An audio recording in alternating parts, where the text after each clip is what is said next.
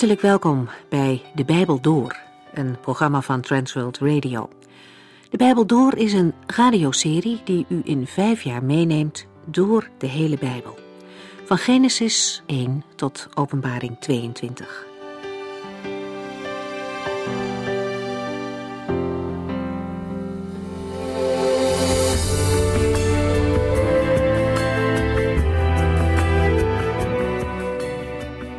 Welkom.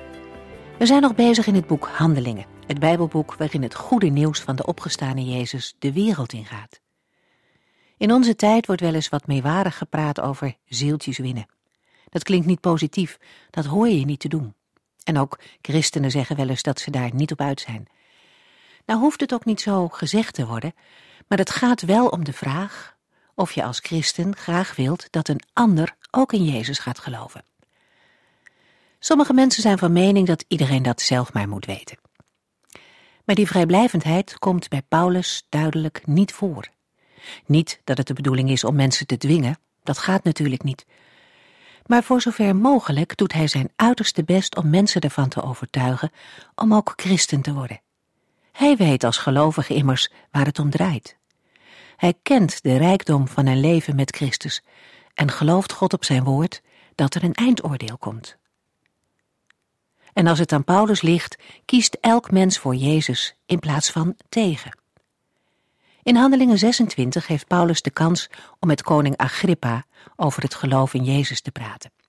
En als de koning dan aangeeft dat Paulus erop uit is om hem ook tot het christendom te bekeren, ontkent Paulus dat niet. Ik zou wel willen dat u allen net zo werd als ik, behalve dan dat u geboeid zou zijn. Koning Agrippa kan niet anders doen dan daaruit op te maken dat Paulus vrijgelaten had kunnen worden, als hij geen hoger beroep had aangetekend. In Handelingen 27 begint dan eindelijk de reis naar Rome. Paulus en een paar andere gevangenen worden overgedragen aan een vriendelijke hoofdman, Julius genaamd. En we lezen verder vanaf hoofdstuk 27, vers 14.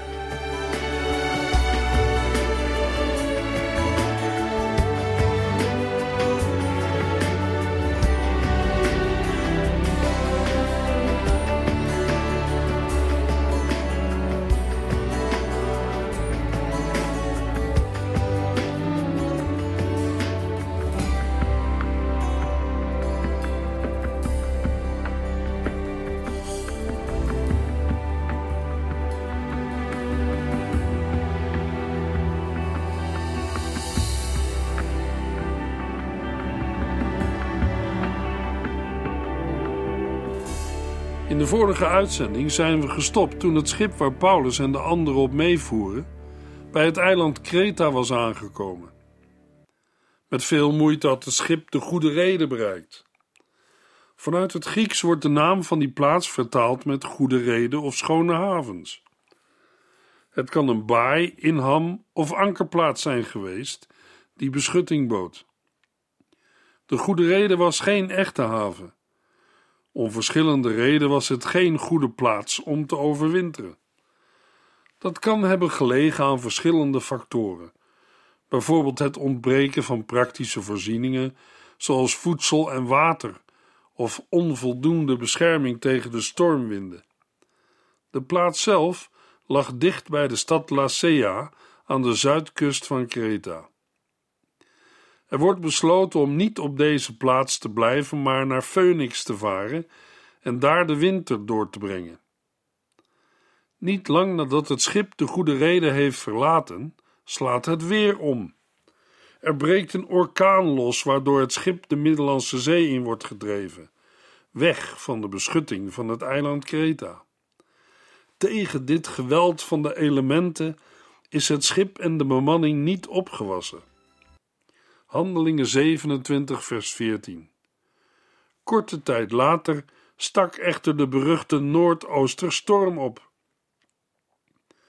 De orkaanachtige Noordoostenwind draagt de bijnaam Euroclydon. Het woord is samengesteld uit de woorden euros, wat oost betekent, en kludon, wat golven of ruw water betekent. Het gaat om een stormwind uit noordoostelijke richting die plotseling opsteekt en lang aanhoudt. Uit de versen 27 en 33 blijkt dat zo'n storm wel 14 dagen kon duren. De wind die over het Ida-gebergte komt, slaat met grote kracht neer tegen het schip. Het Ida-gebergte is een gebergte in het midden van het eiland Kreta. Het ligt ten zuidwesten van de hoofdstad Iraklion. U zult zich herinneren dat, toen Paulus in Efeze was, hij een groot verlangen had om Rome te bezoeken. Het was het grote verlangen van zijn hart. In Handelingen 19, vers 21 hebben we gelezen: Toen Paulus daar met zijn werk klaar was, voelde hij zich gedrongen eerst een reis door Macedonië en Achaïe te maken en pas daarna naar Jeruzalem terug te gaan. Als ik daar ben geweest, zei hij, moet ik naar Rome. In Jeruzalem heeft Paulus een erg moeilijke tijd. Het scheelde niet veel of Paulus zou helemaal nooit in Rome zijn aangekomen. In die donkere tijd van wanhoop en verslagenheid verscheen de heiland hem om Paulus te bemoedigen. We lazen in Handelingen 23, vers 11. Die nacht kwam de Heere bij Paulus en zei: Maakt u zich geen zorgen, Paulus. Zoals u hier in Jeruzalem over mij hebt gesproken, moet u ook in Rome over mij spreken.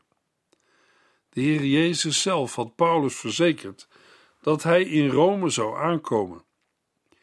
Paulus moet ook in Rome over de Heer Jezus spreken. Nu is Paulus met anderen op het schip op weg naar Rome, maar ze komen in een beruchte noordoosterstorm terecht. Zullen ze Rome wel halen? Handelingen 27, vers 15 tot en met 18. De wind kreeg meteen vat op het schip, zodat het niet meer te houden was.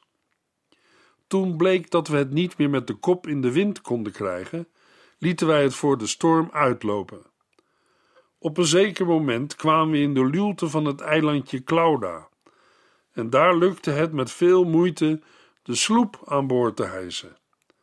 De bemanning trok touwen onder het schip door en bond die vast om de beplanking bijeen te houden. En omdat ze bang waren bij Sirte op de zandbanken te lopen, streken ze alle zeilen en lieten het schip drijven. Omdat het schip vreselijk van de storm te lijden had, gooide de bemanning de volgende dag een deel van de lading overboord. Het schip wordt door de storm meegesleurd, weg van het eiland Kreta. De bemanning ziet geen kans om de boeg in de wind te draaien. Omdat dit niet lukt, wordt het schip onbestuurbaar en slaan de golven nu zijdelings over het schip. Noodgedwongen moeten zij zich met de storm laten meedrijven. Daardoor komt het schip bij een klein eilandje terecht. Het eilandje heet Clauda, het huidige Gaudos, en ligt ten zuidwesten van Kreta. In de luwte van het eilandje Clauda ziet de bemanning kans om de sloep, die achter het schip meedrijft, in veiligheid te brengen. Door het geweld van de golven kan de sloep verloren gaan of zo hard tegen het schip geslagen worden dat er beschadigingen ontstaan. Nadat met grote moeite de sloep aan boord is gehesen, worden er nog enkele andere maatregelen genomen. Het eerste wat de bemanning doet is het schip ondergorden. De zeemansterm ondergorden wekt de indruk dat het gaat om touwen of banden die om de romp van het schip werden geshort, waardoor de planken van de scheepshuid worden gesteund. Naar aanleiding van afbeeldingen van Egyptische schepen is het ook mogelijk dat het gaat om kabels die om de voorplecht en de achtersteven worden geslagen en boven het schip worden aangespannen. Dit om het schip in de lengterichting te steunen en te voorkomen dat het doormidden breekt. Om niet bij Sirte op de zandbanken te lopen, worden de zeilen gestreken. De Sirte is een brede ondiepe baai of zandplaat bij de kust van Afrika. Een berucht gebied door de zeerovers. Zij maakten vaak korte metten met de bemanning van gestrande schepen. De gebeurtenissen tijdens de storm worden uitgebreid weergegeven en doen denken aan een verslag uit een scheepsjournaal. Het noodweer houdt aan. De toestand wordt precair. De storm teistert het schip en de opvarenden. Daarom wordt er besloten om een deel van de lading overboord te gooien. Er wordt niet gezegd wat er overboord wordt gegooid. Vermoedelijk gaat het om lading, waardoor er meer drijfvermogen en minder diepgang wordt verkregen en daardoor minder golven over het dek slaan. Handelingen 27, vers 19 en 20. En toen het de dag daarna nog niet beter werd, ging er allerlei scheepstuig overboord. Wij zagen dagenlang geen zon en geen sterren. Er leek geen einde te komen aan de vreselijke storm. Langzamerhand lieten wij alle hoop op een behouden aankomst varen. Op de derde dag, vanaf het vertrek van de Goede Reden, wordt ook een gedeelte van de scheepsuitrusting overboord geworpen. Te denken valt aan scheepstuig zoals reserveriemen, takelwerktuig, touwen of de grote ra aan de mast die gevaar liep af te breken of los te raken door de wilde bewegingen van het schip. De waarschuwing van Paulus in vers 10 is terecht geweest. Het noodweer houdt dagenlang aan. Overdag is er geen zon en s'nachts blijven de sterren door de bewolking onzichtbaar, waardoor de stuurman geen richting en positie kan bepalen. Het aanhouden van de storm en de onzekerheid van de situatie doet de opvarende uiteindelijk alle hoop op redding verliezen. Handelingen 27, vers 21 tot en met 26. Een hele tijd at niemand iets. Paulus ging tenslotte in hun midden staan en zei: U had naar mij moeten luisteren, mannen. Als u niet van Kreta was weggevaren, zou deze ellende ons bespaard zijn gebleven. Maar laat ook nu de moed niet zinken. Al zal het schip verloren gaan, niemand van ons zal hierbij het leven verliezen. Vannacht heeft er een engel bij me gestaan, een engel van de God aan wie ik toebehoor en die ik dien. Paulus, zei hij, wees niet bang, u zult voor de keizer terechtstaan. En ter wille van u zal God ieder aan boord in veiligheid brengen. Houd dus moed, mannen, want ik geloof in God. Hij zal ervoor zorgen dat het zo zal gaan als mij gezegd is. Maar wat ons schip betreft, dat zal op een of ander eiland aan de grond lopen. Vanwege de kritieke situatie hebben de opvarenden al dagen niet gegeten. Niet omdat er gebrek aan voedsel was, maar omdat niemand een hap door de keel kreeg. Waarschijnlijk waren de meesten zeeziek. Dan neemt Paulus het woord. Hij gaat midden tussen de opvarenden staan en spreekt hen toe. Paulus herinnert de zeelieden en Julius aan zijn eerder gegeven waarschuwing. Ze hadden moeten luisteren en niet van Kreta moeten wegvaren. Dan was al deze ellende hun bespaard gebleven. Paulus heeft niet de bedoeling om gelijk te krijgen, maar wil vertrouwen wekken voor de hoopvolle woorden die nu volgen. Hoewel de situatie nog onveranderd is, roept de apostel de opvarenden op de moed niet te laten zinken. Ze mogen hoopvol gestemd zijn, want de apostel heeft goed nieuws. Paulus spreekt profetisch wanneer hij aankondigt dat niemand van de opvarenden zijn leven zal verliezen. Het schip daarentegen zal wel verloren gaan. Paulus spreekt niet op eigen gezag. Zijn woorden steunen op een openbaring van de Here. Vannacht heeft een engel Paulus bezocht en hem van Gods wegen een boodschap overgebracht. De apostel Paulus geeft geen nadere aanduiding van God, maar zegt: De God in wie ik geloof. De woorden van de engel beginnen met: Wees niet bang. Daarbij gaat het om de onzekerheid die verband houdt met het noodweer en de mogelijke gevolgen. Paulus zal ook zelf kracht en moed geput hebben uit deze woorden. Ze sluiten aan bij wat de Heer Jezus al eerder tegen hem had gezegd. Concreet wordt aangegeven dat Paulus voor de keizer zal terechtstaan. Met andere woorden, getuigenis zal afleggen. Het is Gods bedoeling dat de apostel naar Rome gaat. Om die reden zal hij niet omkomen in dit noodweer. En omdat Paulus gered moet worden, zullen ook de anderen deze verschrikkelijke storm overleven. Maar wat ons schip betreft, dat zal op een of ander eiland aan de grond lopen. De Heere, de God van Paulus, is ook de Heer van de zee. Hij kan vissen, schepen en winden sturen waarheen hij wil. De uitdrukking een of ander eiland geeft aan dat de apostel de naam van het eiland op dat moment niet wist. Handelingen 27, vers 27. Wij dreven inmiddels al veertien dagen rond op de Middellandse Zee. Omstreeks middernacht meende de bemanning in de verte een branding te horen. Daar zou dus land kunnen zijn. Vers 27 sluit aan bij vers 20. Het schip drijft al veertien dagen rond in de storm op de Middellandse Zee. In andere vertalingen lezen we in plaats van Middellandse Zee Adriatische Zee. De Adriatische Zee is een deel van de Middellandse Zee. Met name dat deel dat tussen Italië en de Balkan ligt.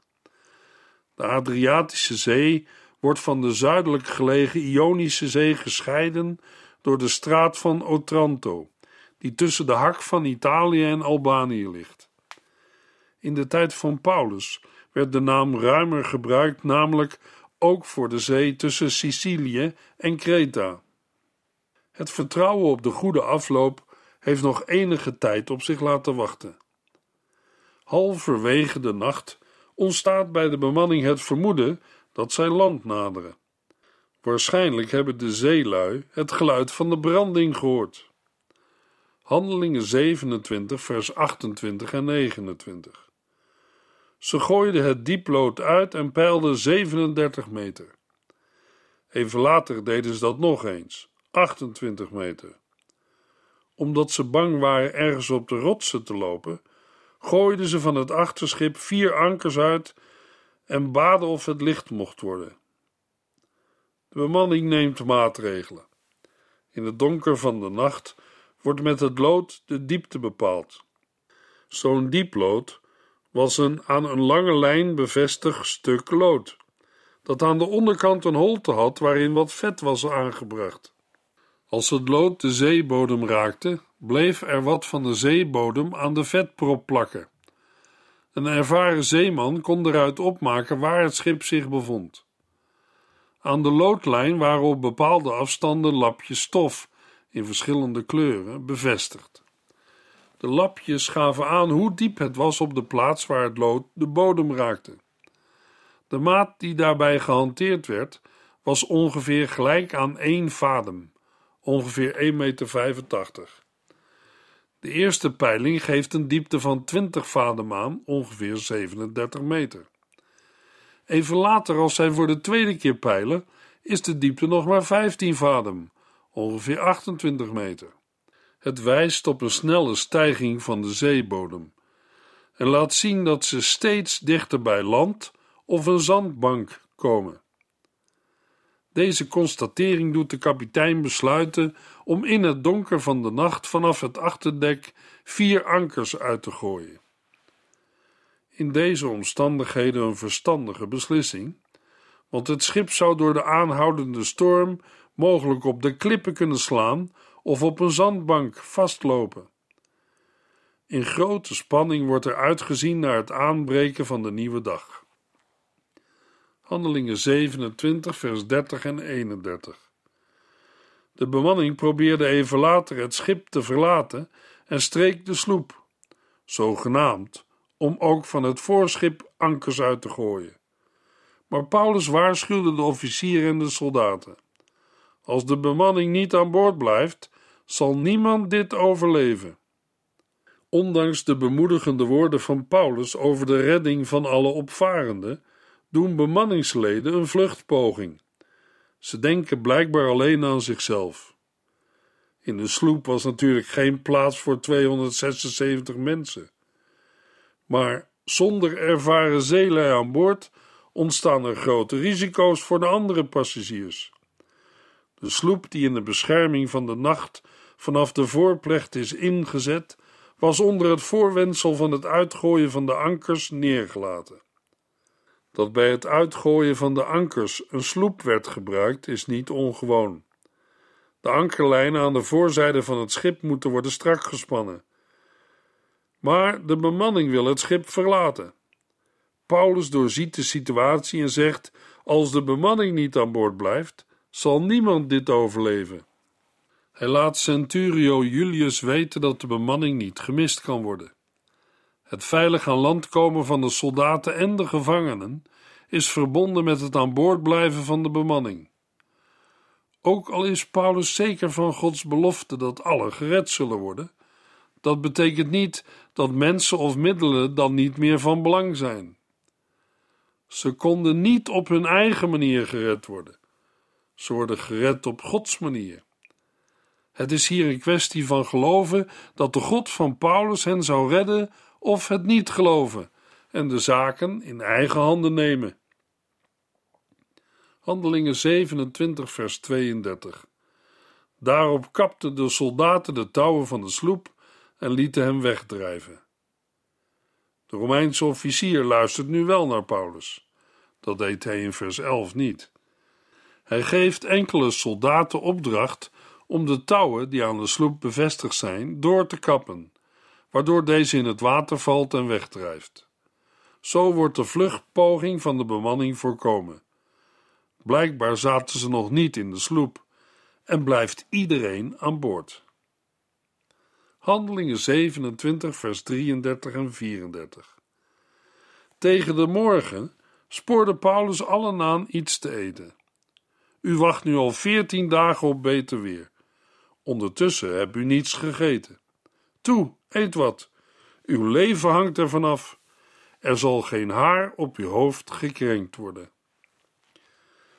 Paulus verijdelt niet alleen een vluchtpoging van de bemanning, maar moedigt ook de opvarenden aan iets te eten. Vanwege de hopeloze situatie, angst, spanning, zeeziekte, is er al dagenlang niets gegeten.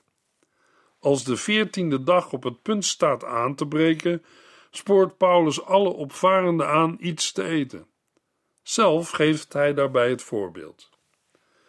De reden van de aansporing is dat de opvarenden er lichamelijk slecht aan toe zijn en de redding inspanning zal vragen.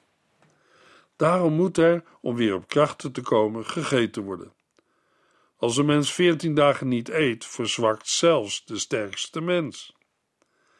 Naast deze aansporing tot eten geeft Paulus opnieuw een krachtige bemoediging. Met wat andere woorden wordt herhaald wat de apostel al eerder had gezegd in vers 22. De uitdrukking er zal geen haar op je hoofd gekrenkt worden of verloren gaan, is een Hebreeuwse zegswijze en betekent dat de Heere zorg draagt voor het behoud van de opvarende. Voor de uitdrukking uw leven hangt er vanaf staat in het Grieks, want dat dient tot uw behoud of dat is goed voor uw redding. Het Griekse woord voor redding of behoud wordt in het Nieuwe Testament ook gebruikt voor geestelijke eeuwige redding, zaligheid, maar betekent hier de redding van de verdrinkingsdood en het veilig aan land komen. Paulus heeft een geheiligde nuchterheid en ook in de dienst van de Heere gebruikt hij zijn gezonde verstand. Gelukkig heeft de Heer ook de mogelijkheid gegeven om het verstand te gebruiken. Soms kan een christen onder het mom van ik vertrouw op God dwaze dingen doen. Geloven en vertrouwen op de Heere is niet hetzelfde als verstand op nul en de blik op oneindig. Zeker, dat maakt het allemaal niet eenvoudiger, want hoe weet je wanneer het een moet en wanneer het ander? Weet u, luisteraar, daarvoor heeft de Heer nu juist de Heilige Geest beloofd. Hij zal u, jou en mij alles te binnen brengen, net zoals hij bij Paulus deed. Handelingen 27, vers 35. Daarna nam Paulus een brood en dankte God daarvoor in het bijzijn van alle anderen.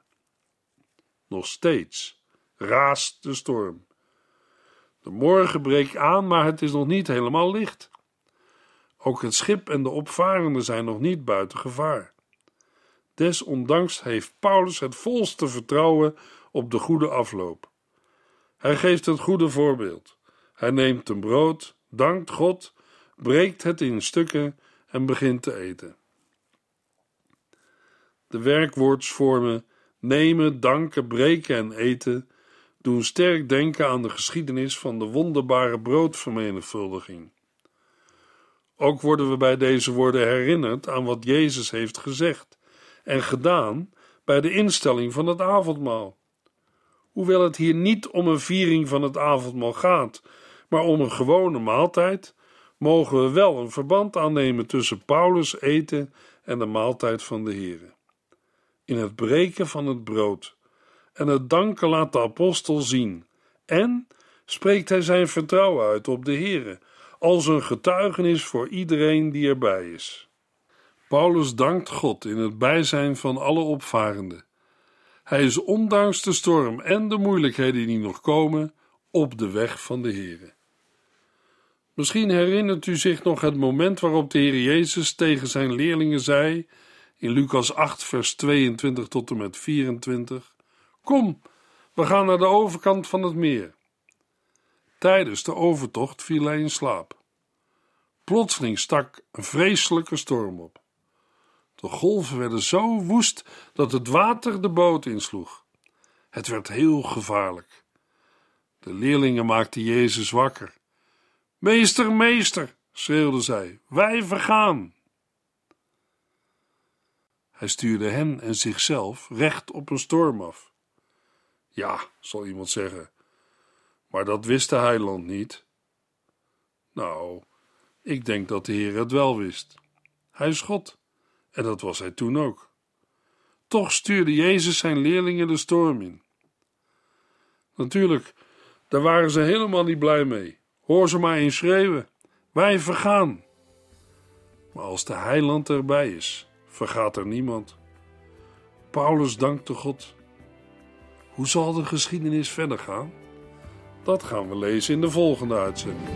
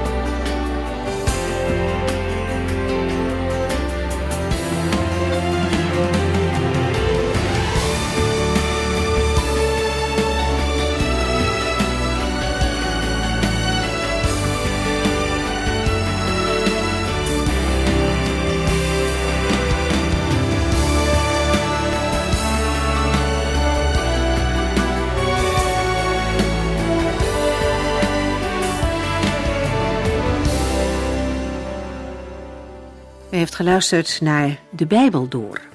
In het Nederlands vertaald en bewerkt door Transworld Radio. Een programma waarin we in vijf jaar tijd de hele Bijbel doorgaan. Als u wilt reageren op deze uitzending of u heeft vragen, dan kunt u contact met ons opnemen. Tijdens kantooruren kunt u bellen op 0342 47 8432. 0342 47 8432. 32. Ook kunt u een e-mail sturen naar de Bijbel transworldradio.nl en natuurlijk kunt u ook via de post ons bereiken. TWR, postbus 371, postcode 3770, AJ in Barneveld. Dit programma werd gepresenteerd door Cor Weda en Ike André. Techniek was in handen van Odin van Woerdekom. En wij allemaal bedanken u voor het luisteren. Graag tot de volgende keer.